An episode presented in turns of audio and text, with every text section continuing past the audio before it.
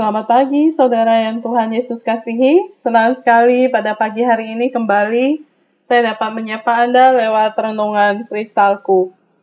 Bagaimana kabarnya hari ini? Saya berharap kita semua dalam keadaan yang baik. Mari kita siapkan hati kita sebelum kita bersama-sama akan membaca dan merenungkan firman Tuhan. Mari kita berdoa. Terima kasih Bapa di dalam surga atas segala berkat kasih karuniamu di dalam kehidupan kami. Pada pagi hari ini kami boleh ada sebagaimana kami ada ya Tuhan. Semua itu oleh karena anugerah dan penyertaan Tuhan yang luar biasa di dalam kehidupan kami. Kami bersama-sama saat ini Tuhan, sebelum melangkah lebih jauh dalam setiap aktivitas yang akan kami lalui di hari ini, kami datang di hadapan Tuhan, kami mau bersama-sama memohon pertolongan Tuhan, pimpinan Tuhan, lewat kebenaran firman-Mu yang akan kami bersama-sama belajar di hari ini.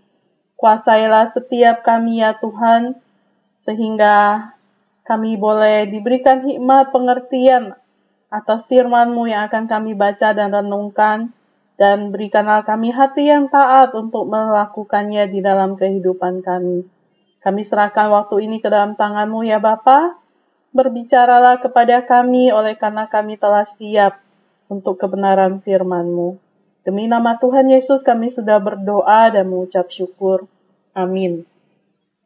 Saudara, pembacaan firman Tuhan pada hari ini dari Efesus pasalnya yang keempat ayatnya yang ke-17 hingga ayatnya yang ke-24 dengan judul perikop Manusia Baru. Sebab itu kukatakan dan kutegaskan ini kepadamu di dalam Tuhan. Jangan hidup lagi sama seperti orang-orang yang tidak mengenal Allah dengan pikirannya yang sia-sia dan pengertiannya yang gelap jauh dari hidup persekutuan dengan Allah. Karena kebodohan yang ada di dalam mereka dan karena kedegilan hati mereka. Perasaan mereka telah tumpul sehingga mereka menyerahkan diri kepada hawa nafsu dan mengerjakan dengan serakah segala macam kecemaran. Tetapi kamu bukan demikian kamu telah belajar mengenal Kristus.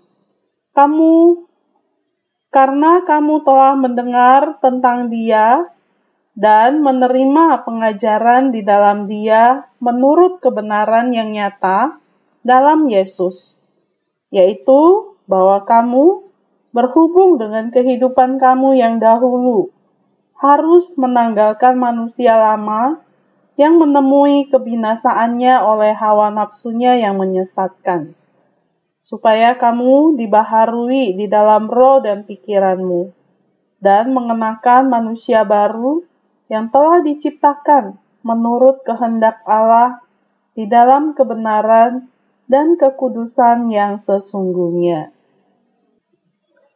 Sampai sejauh demikian pembacaan firman Tuhan kita hari ini. Saudara, tema kita adalah dewasa rohani. Menurut mengukur kedewasaan fisik itu lebih mudah ketimbang kita mengukur kedewasaan rohani seseorang. Dari usia, bentuk tubuh, dan cara seseorang berbicara saja, mungkin kita bisa menilai kedewasaan seseorang. Tetapi cara-cara seperti ini tidak berlaku untuk menilai kedewasaan rohani, bukan? Lamanya seorang menjadi pengikut Tuhan, kefasihannya dalam berdoa panjang-panjang, kesibukannya dalam mengikuti kegiatan pelayanan, bahkan kemurahan hatinya dalam memberi bantuan, bukanlah ukuran yang tepat. Mengapa? Bisa saja ia melakukan semua itu demi mengejar ambisi pribadi pujian, atau mengurangi rasa bersalah. Lalu, bagaimana menilai kedewasaan rohani? Pada pembacaan firman Tuhan pada hari ini, salah satunya adalah kita lihat kemampuan mengampuni kesalahan orang lain dengan tulus. Ketika Anda dan saya diperlakukan tidak adil oleh seseorang, difitnah, atau diserang dengan perkataan yang menyakitkan hati, apakah kita mau memaafkannya? Yesus Kristus mengampuni dosa manusia yang memusuhinya ketika kita mengingat betapa hebatnya kasih Kristus ini dan bagaimana Dia mengampuni segala kesalahan kita, Dia juga memampukan kita mengampuni kesalahan orang lain. Kristus menunjukkan kedewasaan rohani dalam tindakannya yang tulus, mengasihi sesama tanpa membeda-bedakan, dan mau mengampuni kesalahan orang. Sejauh mana kita telah bertumbuh dewasa secara rohani? Apakah kita rindu untuk menyatakan kasih dan pengampunan Kristus kepada sesama yang bersalah kepada kita? Dengan mengingat kasih dan pengampunan Kristus, kita dapat belajar untuk mengampuni orang lain. Saudara, ingatlah, kedewasaan rohani itu bukan dari lamanya menjadi murid atau orang Kristen, melainkan dari kerelaan mengasihi menurut teladan Kristus. Mari kita berdoa. Bapa di dalam surga, terima kasih untuk firman-Mu pada pagi hari ini yang mengingatkan kepada kami untuk terus bertumbuh dewasa di dalam Tuhan. Dan salah satu kebenaran yang kau singkapkan bagi kami hari ini adalah itu terlihat dari kemampuan dan kemauan di dalam diri kami ya Tuhan untuk mengampuni kesalahan orang lain. Karena kami sendiri telah mengalami kasih dan pengampunan dari Kristus. Dan juga kerinduan untuk membagikan itu kepada orang lain ya Tuhan. Terima kasih Bapak di dalam surga, kami sadar dengan kemampuan kami sendiri, kami tidak mampu melakukan itu.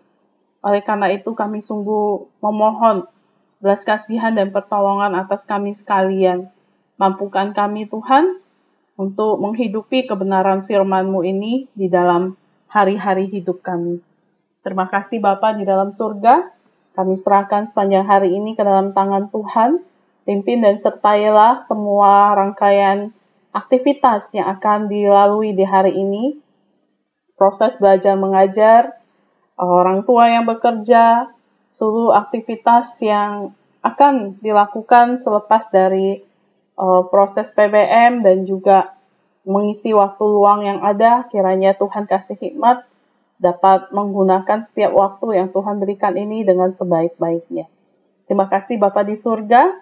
Kami mohon kekuatan, kesehatan Tuhan anugerahkan bagi kami di sepanjang hari ini. Dan semua yang kami pakai, fasilitas, yang kami butuhkan. Tuhan memberkati supaya tidak menghambat kegiatan yang kami telah rencanakan di hari ini. Terpuji namamu ya Bapa, demi Kristus Yesus Tuhan dan Juru Selamat kami yang hidup, kami sudah berdoa dan mengucap syukur. Amin. Selamat belajar, bersama Yesus aku bisa bergerak dan berubah.